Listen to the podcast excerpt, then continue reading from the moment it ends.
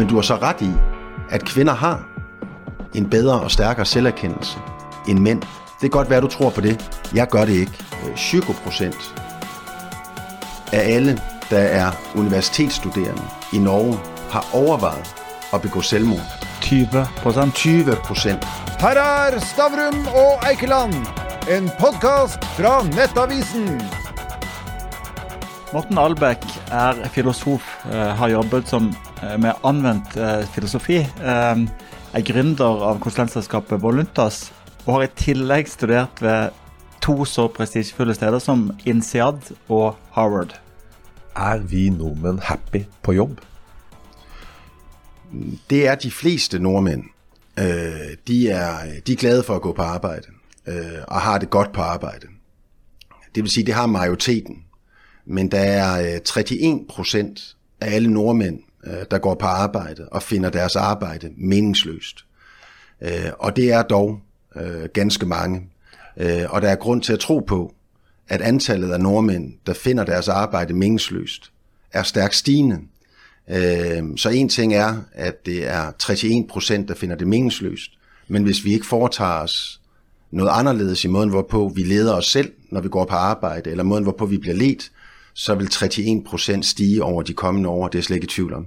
Så hvis vi sier at det er 2,7 millioner eh, jobb, folk i norske arbeidsstyrken, Ja. så er det nesten en million nordmenn som går på en jobb de ikke følger, fyller eh, meningsfullhet. Og det er da Altså befolkningen i Oslo, Bergen og Trondheim eh, har ikke en meningsfullt jobb. Ja, og det er jo store tal, øh, og, og derfor skal de også tages seriøst. Og det skal måske ikke overraske os så meget, at der er en lille million af nordmænd, der går på arbejde og synes, deres arbejde er meningsløst. Fordi hvis vi kigger ind i andre statistikker, så er antallet af mennesker, der bliver stresset af at gå på arbejde på det norske arbejdsmarked, er også stigende. Antallet af nordmænd, der føler sig ensomme, når de går på arbejde, er også stigende. Antallet af sygemeldinger, der er på det norske arbejdsmarked, per 100.000, der er på arbejdsmarkedet, er også stigende. Så faldet i følelsen af mening med at gå på arbejde, det korrelerer til stress, ensomhed og sygemeldinger. Så det er et systemisk problem, som der skal gøres noget ved. Øh, og en af definitionerne på sindssyge, det er jo at blive ved med at gøre det samme i forventningen om et andet resultat. Så hvis vi ikke gør noget anderledes på det norske arbejdsmarked, såvel som på det danske, det svenske, det tyske, det amerikanske arbejdsmarked, så ser vi bare mere og mere meningsløshed derude. Men skyldes dette de vanvittig gode ordningene vi har, f.eks. i Norden og i Norge? Altså med sykelønnsordninger og at, at det, altså, det koster ikke så mye å være syk i Norge. Jeg vil snarere svare på følgende måde, at jeg tror, at de færreste mennesker melder sig syge uden at være syge, eller melder sig syge uden at føle sig syge. Vi er så bare så heldige i Norge og i Sverige og i Danmark og i de nordiske velfærdssamfund, at vi faktisk kan få økonomi eller løn, mens vi er syge.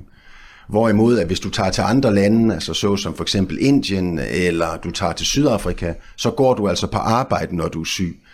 Så, så nej, vi kan, ikke, vi kan ikke tale om, at øh, følelsen af mening, der falder, eller antallet af sygemeldinger, er et produkt af, at vi har gode støtteordninger. Det handler simpelthen om, at vi bliver syge og sygere af at arbejde, og vi føler arbejdet mindre og mindre meningsfuldt. Og i særdeleshed de yngre generationer føler deres arbejde øh, mere og mere meningsløst. Øh, hvis du for eksempel øh, ser på, hvem der øh, har den laveste grad af mening ved at gå på arbejde, øh, så er det øh, de 18-24-årige i Norge. Øh, og så kommer der noget interessant, så kan man sige, jamen, hvilket arbejde har du, når du er 18 til 24? Øh, jo, du går for eksempel på universitetet. Øh, det er dit arbejde, når du er mellem 18 til 24 år. Og her er der en analyse for ganske nylig, der viste, at øh, 20 procent af alle, der er universitetsstuderende i Norge, har overvejet at begå selvmord. 20 procent. 20 procent, og 5% har forsøgt. Så udfordringen, hvad enten at vi taler om os, der er lidt ældre, eller dem, der er yngre, er en og samme ting. Meningsløsheden synes bare at bruse fremad, uden at vi rent faktisk forholder os til det, og gør noget fundamentalt anderledes end det, vi plejer at gøre, hvad enten det er på universitetet, eller det er i den offentlige sektor, eller i den private sektor vi skal forfølge den tråden, men bare for å introdusere deg litt. Du skrev altså doktorgrad om post, eh, postmoderne verdier. Altså, på en måte det, vil, det, vil, det, som gir oss mening når vi har mat på, på bordet og et trygt sted å bo. Korrekt. Eh, og så, så studerte du på de to to relativt harde businesssteder. altså Både INSEAD og, og Harvard er jo kjent for liksom å ha de, de røffeste forretningsfolk har vært der. Hvordan i all verden ble du opptatt av meningsfullhet på jobb? Jamen, jeg, øh, jeg tager jo min øh, kandidatgrad i filosofi og i uh, filosofihistorie, uh, og tror, at jeg skal være evigt arbejdsløs. Fordi hvem gider at ansætte uh, en person, der er uddannet uh, filosof? Og så har jeg det held, at min storebror er ansat i HR-funktionen i Danske Bank. Så gennem nepotisme bliver jeg, øh, bliver ansat i Danske Bank som øh, junior marketingskonsulent, uden at nogensinde have studeret en linje marketing, og uden at vide mig det mindste omkring den finansielle sektor. Men syv år og syv forfremmelser senere, der sidder jeg som senior vice president og er ansvarlig for øh, Innovation and Idea Creation i Danske Bankgruppen. Og øh, det mens jeg er der, at jeg tager øh, til Fontainebleau, til en sat øh, på Fontainebleau lidt uden for Paris, for at skulle lære af de absolut største tænkere og bedste undervisere i, hvordan og hvorledes man skal bedrive ledelse. Og der opholder jeg mig jo i ugevis. Øh, og på intet tidspunkt, gennem alle disse forelæsninger, gennem alle disse cases, gennem alle disse eksamener, er der på et eneste tidspunkt en professor, der underviser mig i, hvordan og hvorledes jeg eksistentielt leder mig selv og leder andre. Altså med andre ord forholder sig til, at det at lede et andet menneske, det er en etisk fordring, og det er noget eksistentielt og noget dybt intimt. Og da jeg så øh, stopper i Danske Bank-koncernen, øh, for så at komme i executive management i øh, Vestas Wind Systems, verdens største øh, øh, fabrikant af vindmøller. Der bliver jeg så sendt til Harvard i Boston, og der sker akkurat det samme igen. At der sidder jeg igen i ugevis og får forelæsninger fra de største tænkere og de mest prestigiøse professorer, og ingen af dem lærer mig noget som helst om, hvordan og hvorledes at jeg er med til at gøre det meningsfyldt for andre mennesker at arbejde med mig. Og så øh, starter min tankevirksomhed omkring, at jeg godt kunne tænke mig at udvikle en ledelsesfilosofi, der gør fremtidens ledere i stand til at gøre det mere meningsfyldt for flere mennesker og, øh, at gå på arbejde. Og det er sådan set også det, Voluntas er, er skabt over, øh, at, øh, at gøre arbejdsmarkedet øh, i verden mere meningsfyldt for flere mennesker. Men eh, for å høre på nå og syns at dette er maken til jåleri, har de ikke hørt. Her er det krig i Ukraina, rekorddyr strøm, bensinprisene er kjempedyre, matprisene øker, renta er opp. Vi har jaggu problemer nok om ikke vi skal til og med gjøre jobben meningsfull. Hva, hva svarer du til de? Jamen, jeg tror ikke, at det er meget ved at øh, bekymre sig om øh, de stigende energipriser, øh, inflationen, øh, verdens store problemer, hvis det er sådan, at du ikke føler, at dit eget liv giver mening. Fordi, hvad er definitionen på, at dit liv ikke giver mening? Det er, at du står i nuet med en refleksion over det liv, du har levet, med en forestilling om det liv, der venter på dig.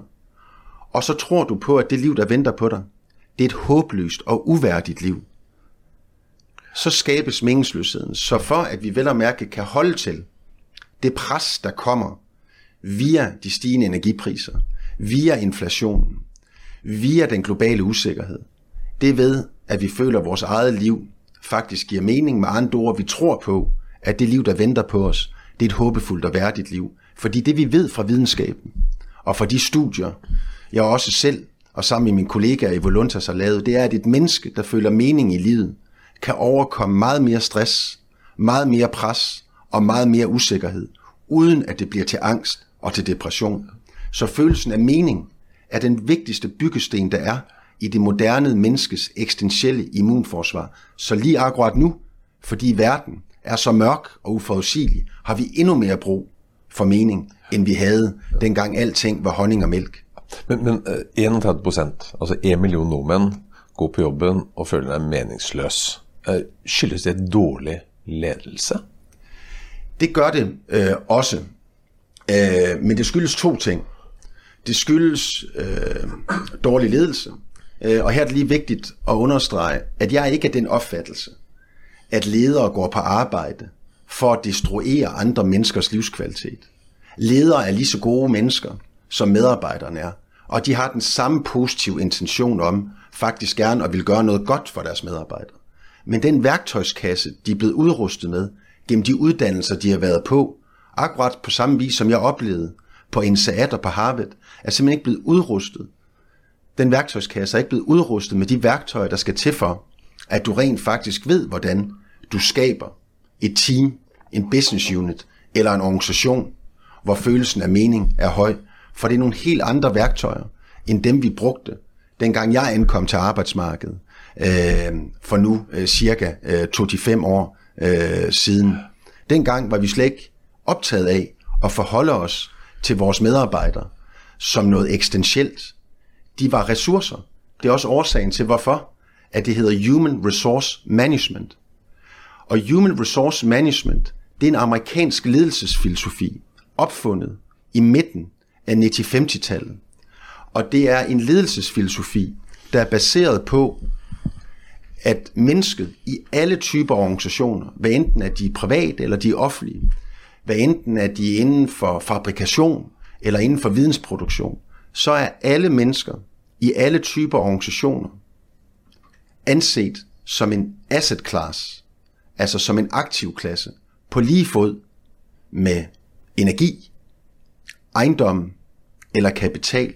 Med andre ord, det er en ledelsesfilosofi, der reducerer mennesket til at have samme værdi som olie, klingende mønt eller mursten. Mm. Og den ledelsesfilosofi, Human Resource Management, har domineret arbejdsmarkedet og alle organisationer de sidste 75 år.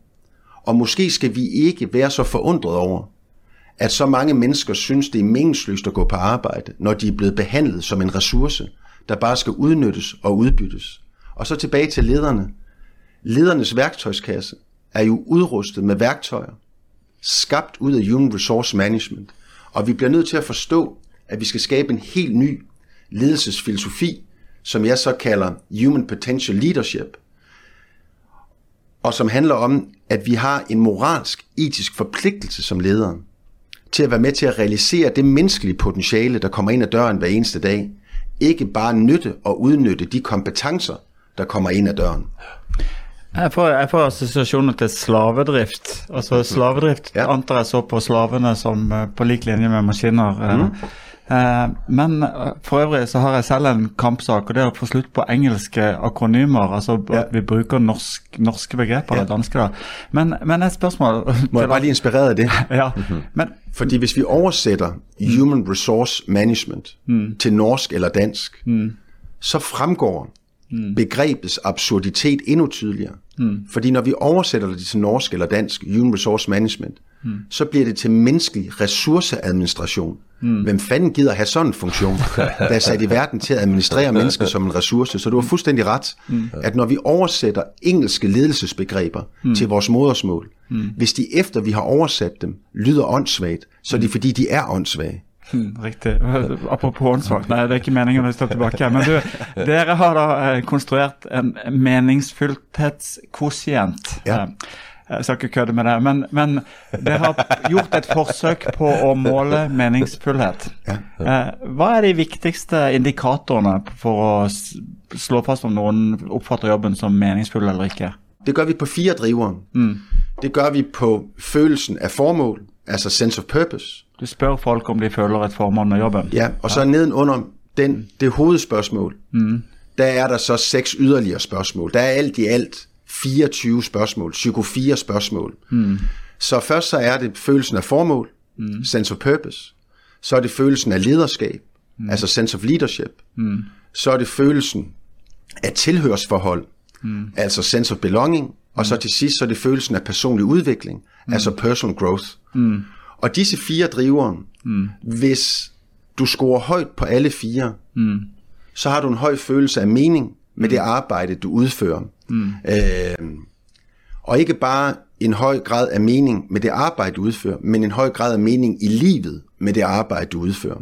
Mm. Og det interessante er, at når vi nu ved, at det er det her, der er de fire drivere, mm. for at et menneske skal føle mening i livet med det arbejde, de udfører. Mm. Det er så også, at når et menneske føler mere mening i livet med det arbejde, vedkommende udfører, mm. så er den person væsentligt mere effektiv, mere produktiv, væsentligt mere engageret, meget mindre syg, mm. tager meget mere initiativ, og ydermere kan overkomme meget højere stressniveauer.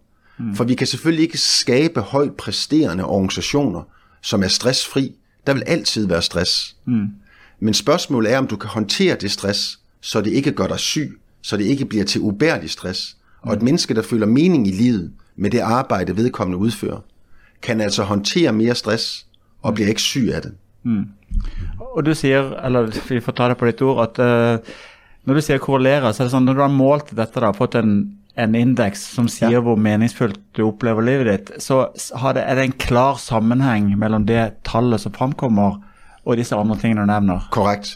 Mm. Men uh, du sier at trenden er økende, at folk uh, føler misnøye på jobb. Uh, at det kommer til å bare vokse hvis ikke vi gjør noe med dette. Ja.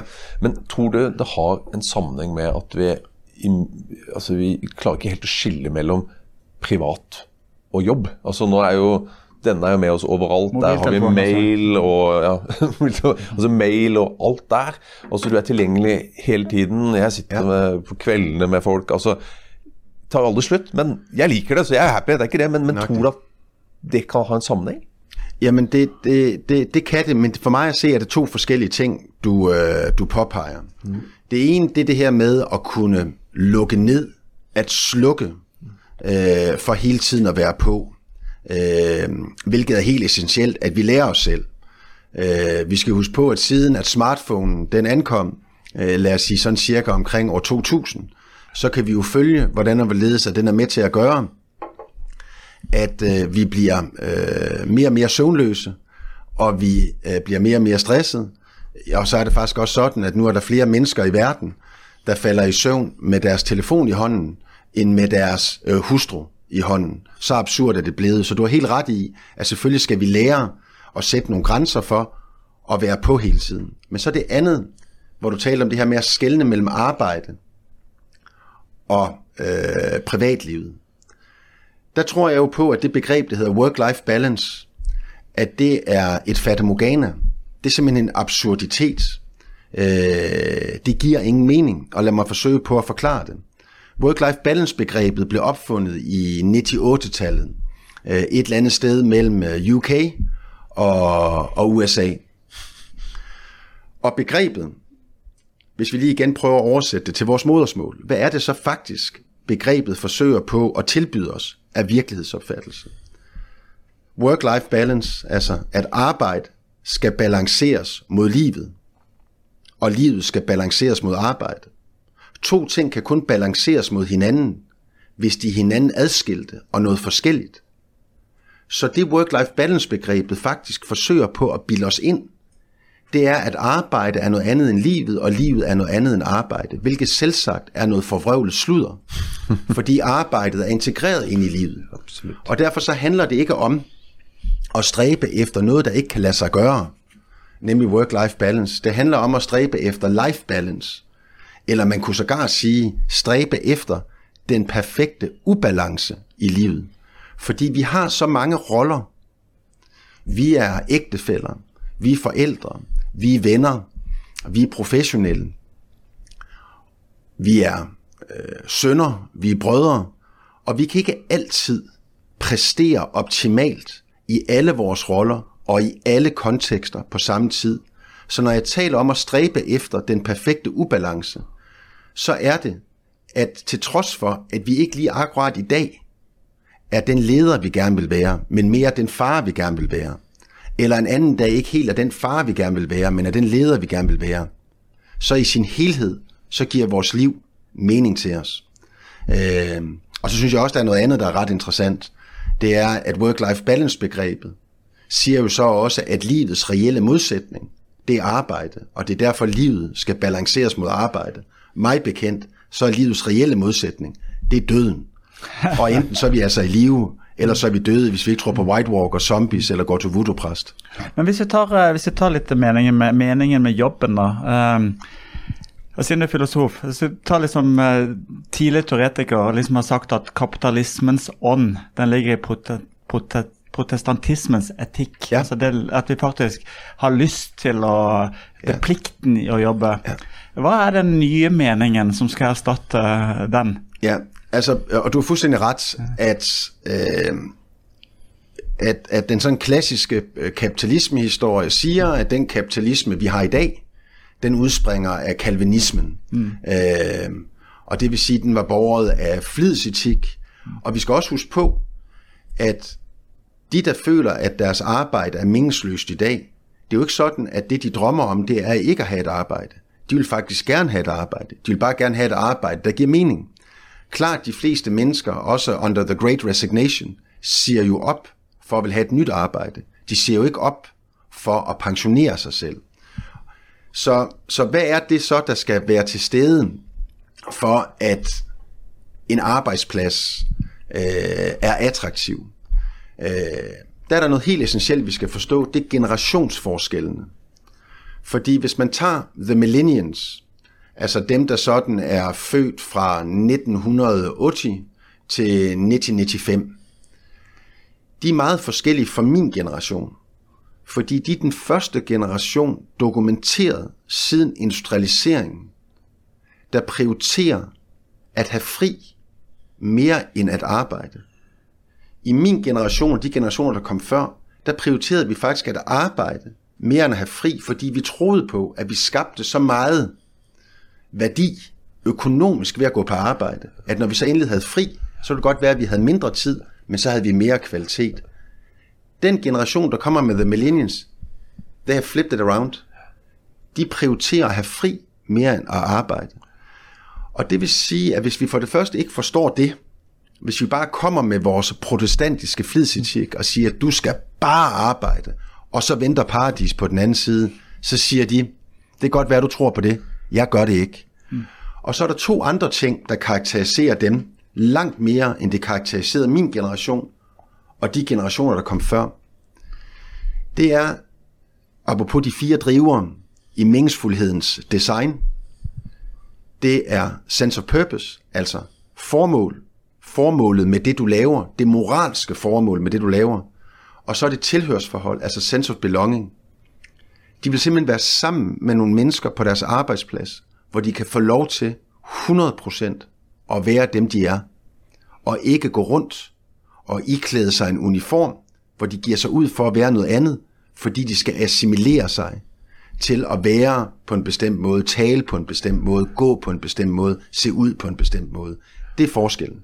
Men, men tror du, at uh, kidsa vil ha det sådan, fordi at de har haft det så fantastisk godt? Jeg ved godt, at det er, det er sådan en af de øh, klassiske forestillinger, at, at vi har at gøre med en generation, der er så overprivilegeret, at nu vil de bare have alt fra alle hylder på samme tid.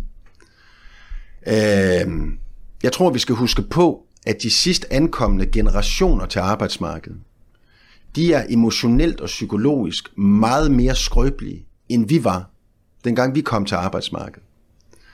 Øh, men de er også noget andet. Så de er både mere skrøbelige emotionelt og mentalt, end vi er. Fordi? Jamen fordi, at den opvækst, som vi sagde, vi har givet dem, som var god, har ikke været så god. Måske fordi, at de også er vokset op med en retorik fra deres forældre, og i samfundet generelt omkring, at du kan blive lige, hvad du vil. Du kan vælge fra alt i hele verden, hvilket formodentligt, hvilket mig analyse også viser, har gjort dem presset, stresset og usikre. Fordi hvis jeg kan vælge alt, hvordan kan det så være, at jeg ikke får mere ud af livet? Og nej, du kan ikke blive lige akkurat, hvad du vil. Der er masser af ting, du aldrig nogensinde bliver i stand til at kunne. Men det mulighedsrum, der er tilbage, efter du har erkendt, at alt det her, det kommer du aldrig nogensinde til at mestre. Det mulighedsrum, der er tilbage, det er stadigvæk fantastisk stort og fyldt med smukke oplevelser og vidunderlige indsigter. Så jeg tror, at den der laissez måde, hvorpå at vi har opdraget de yngre generationer, har sådan set været velintenderet. Vi har gjort det af et godt hjerte. Vi har bare ikke vidst, hvor meget vi rent faktisk har øh, skubbet dem ud i en håbløshed over ikke at føle sig tilstrækkelig. Så kommer det andet element, hvor de også er forskellige fra min generation og tidligere generationer. De er også idealister. De er meget mere idealistiske, end vi er. Og hvorfor er de det? Det er fordi, at hvis du forestiller dig, at du er blevet voksen fra efter år 2000, hvad er det så, du har oplevet? Du har oplevet en klimakrise, der er gået fuldstændig ud af kontrol. Du har oplevet trumpismen. Du øh, oplever øh, en øh, verden, der bliver mere og mere polariseret. Du oplever lige nu krig i Ukraine, inflation, recession, uforudsigelighed. Med andre ord, de er blevet voksne i en virkelighed, hvor de kan se, at de strukturer, vi har skabt, min generation og tidligere generationer, for hvordan hvis verden skal hænge sammen, de dur simpelthen ikke. Og der kommer deres idealisme også. Så man skal både forstå deres skrøbelighed, og man skal også forstå deres idealisme, hvis man gerne vil hjælpe dem til et meningsfuldt liv, også ude på arbejdsmarkedet og på arbejdspladserne. Hvis vi tager uh, uh, en bank, ja. eller tar en avis, ja. uh, så kan du si at okay, det, dype, det dype formålet med å drive bank, det er jo på en måte at du låner penger og er en motor i samfunnet til ja. ting. Eh, men hvis du bare jobber i banken og tenker at det, formålet med min jobb det er å låne ut mest mulig penger, så vi tjener mye penger. Ja. To forskjellige formål. Sammenlignet eh, vi har et ideelt formål, men vi har også på en måte det som kan være lite. Vi skal bare skaffe lesere og annonseinntekter. Ok, jeg er leder, um, uh, og veldig ofte så kan det være sånn at du holder et allmøte, ja. men det du forteller om, det er det, det snevre formålet. Ja. Vi har hatt så mye vekst, vi går ja. med overskudd. Alle de tingene som ikke egentlig adresserer eh, verdien ved jobben. Ja. Er det en klassisk eh, ledertabbe? Ja, men, men jeg synes også, at vi skal holde fast i, at når vi driver virksomheder, mm. så er det også vigtigt. Det er vigtigt, at vi kan sælge vores produkter. Det er vigtigt, at vi kan tjene penge på dem. Fordi de er jo oxygenen i virksomheden. Så uden at du har en omsætning, og du har en indtjening, så vil hele øh, virksomheden jo falde fra hinanden. Øh, så selvfølgelig skal man tale til det. Men man skal hele tiden sætte det ind i en større kontekst. Altså, hvorfor er det vigtigt, at vi tjener penge, udover at det er med til at gøre, at vi kan betale vores regninger og betale løn til vores medarbejdere og sørge for, at de bliver behandlet godt? Jo, vi skal tjene de penge, så vi har mere at investere med til at realisere vores større formål. Så det er det ene hele tiden at binde de finansielle tal sammen med, hvordan og hvorledes, at vi kommer tættere på at realisere vores større øh, formål, øh, vores moralske formål med at eksistere. Og så er der måske også noget med at brække det store formål ned til noget, der er forståeligt for alle medarbejdere. Lad os bruge banken som et eksempel. Jamen, ja, hvad laver en bank? En bank, den låner penge ud, den tager renter, det tjener den på, øh, tager nogle gebyrer, øh, og så hjælper den folk med at holde styr på deres øh, økonomi. Men hvad er økonomi for det enkelte menneske? Økonomi, det er den næststørste årsag til skilsmisser, der er i, øh, i verden. Næst efter utroskab. Økonomi er næst efter et sundt helbred. Det vi ønsker mest, at vores børn skal få adgang til i voksenlivet. Penge er noget eksistentielt. Så når du sidder ude i banken og rådgiver en familie, så er du faktisk med til at rådgive dem om, hvordan og hvorledes at noget af det, der kan gøre deres liv meningsfyldt, eller nogle mennesker, de elsker, lykkelige, at det går i den rigtige retning. Og sådan kan man jo godt brække det store formål ned til noget, der relaterer til den enkelte. Og det skal vi blive dygtigere til, men det kræver træning. Det kræver simpelthen, at vi bliver uddannet i det. Øh, og det er bare ikke det, der har været fokus øh, på de ledelseskurser eller uddannelser, øh, jeg har kendskab til. Men du, jeg, jeg lurer på en ting. Du starta jo eh, selskapet sammen med Jan Beck Andersen. Ja. Han er største aksjonær i Brøndby, fotballklubben ja. i, i København. De har hatt uh, Åge Hareide som, som uh, trener. Uh, ja, ja. ja, du kjenner, ja. Hva slags ledelsesfilosofi hadde Åge Hareide? Var den meningsfullt? Jeg vil si at Åge han var ikke i Brøndby, mens jeg har været... Nei, han var på landslaget, men jeg tror han var i Brøndby før. Ja, ja. han var i Brøndby før og vandt også mesterskabet der, og så var han jo en ekstremt succesrig. Og Ståle Solbakken, hva slags har de? Jamen, jeg tror så Åge Hareide og Ståle Solbakken er to forskellige øh, ledelsesfilosofier. Øh, og nu er det set udefra, jeg kender ikke nogen af dem godt nok til at være øh, ekspert på dem. Men hvis man kigger på Åge Harreide i forhold til det danske landshold, så havde han et kæmpe stort fokus på tilhørsforhold, sense of belonging. Han var i stand til at få den gruppe af landsholdsspillere til virkelig at blive til et kollektiv. Øh, og derfor så valgte han også næsten altid de samme spillere. Det fik han også meget kritik for i en begyndelse, hvorfor han var så lojal, og hvorfor han ikke lukkede flere nye spillere ind. Men det gjorde han, fordi at han forstod, at når gruppen virkelig følte, at de hørte sammen, at de var hinandens wingmates, så kom der en professionel intimitet ind i gruppen, hvor de kunne være ærlige over for hinanden omkring, hvad de kunne og hvad de ikke kunne, hvad der var deres styrker og deres svagheder, hvilket jo også betød, at Oharreide er den landstræner i dansk fodboldshistorie, der fik flest øh, undskyld, færrest nederlag, øh, og det er en rekord, jeg tror bliver umulig nogensinde og, øh, for andre og, øh, og bryde. Så det var sense of belonging. Han var simpelthen utrolig dygtig til at, øh, at skabe sense of belonging på det danske landshold.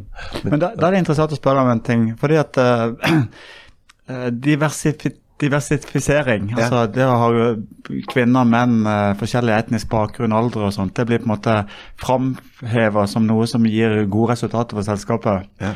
Men er ikke det akkurat et ting som kanskje gir en mindre sense of belonging? At du må tilhøre en gjeng du ikke egentlig ellers har så mye felles med? Jo, men, men, men nu skal vi forstå hva diversitet er. Mm. Øhm, det er at du er sammen med nogen, der har en anden social baggrund end dig, har en anden kulturel religiøs baggrund end dig, har en anden seksualitet end dig, har en anden faglig baggrund end dig, nogen, der har mindre eller mere erfaring end dig. Det er det, diversitet består i. Men vi skal jo stadigvæk være forbundet i noget. Hvad skal vi være forbundet af? Den samme etik. Vi skal altså med andre ord for at kunne skabe et fællesskab, hvor vi kan være så forskellige på alle mulige parametre, for at vi så vel og mærke kan være trygge ved hinanden, at vi kan turde åbne os op over for det, der er anderledes end os selv, så skal vi jo være sikre på, at det andet menneske også er et godt menneske. Så vi skal altså dele etik, vi skal dele moral. Og så er vi tilbage ved øh, hele diskussionen omkring organisationers kerneværdier.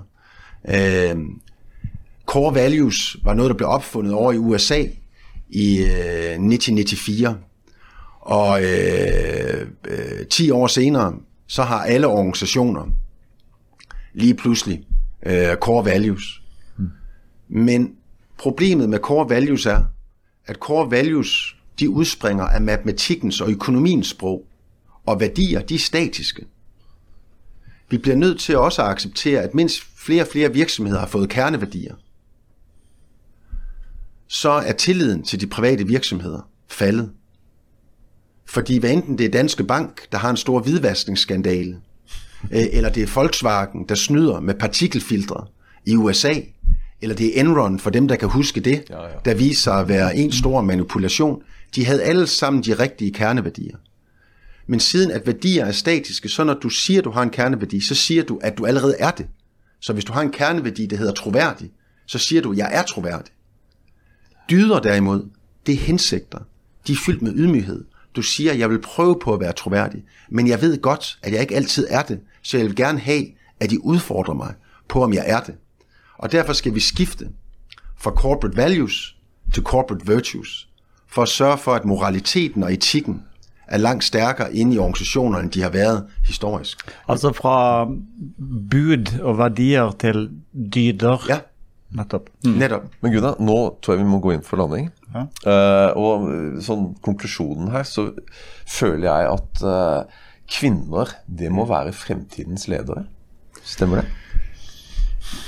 Ja, de er også fremtidens ledere, og det er mænd også.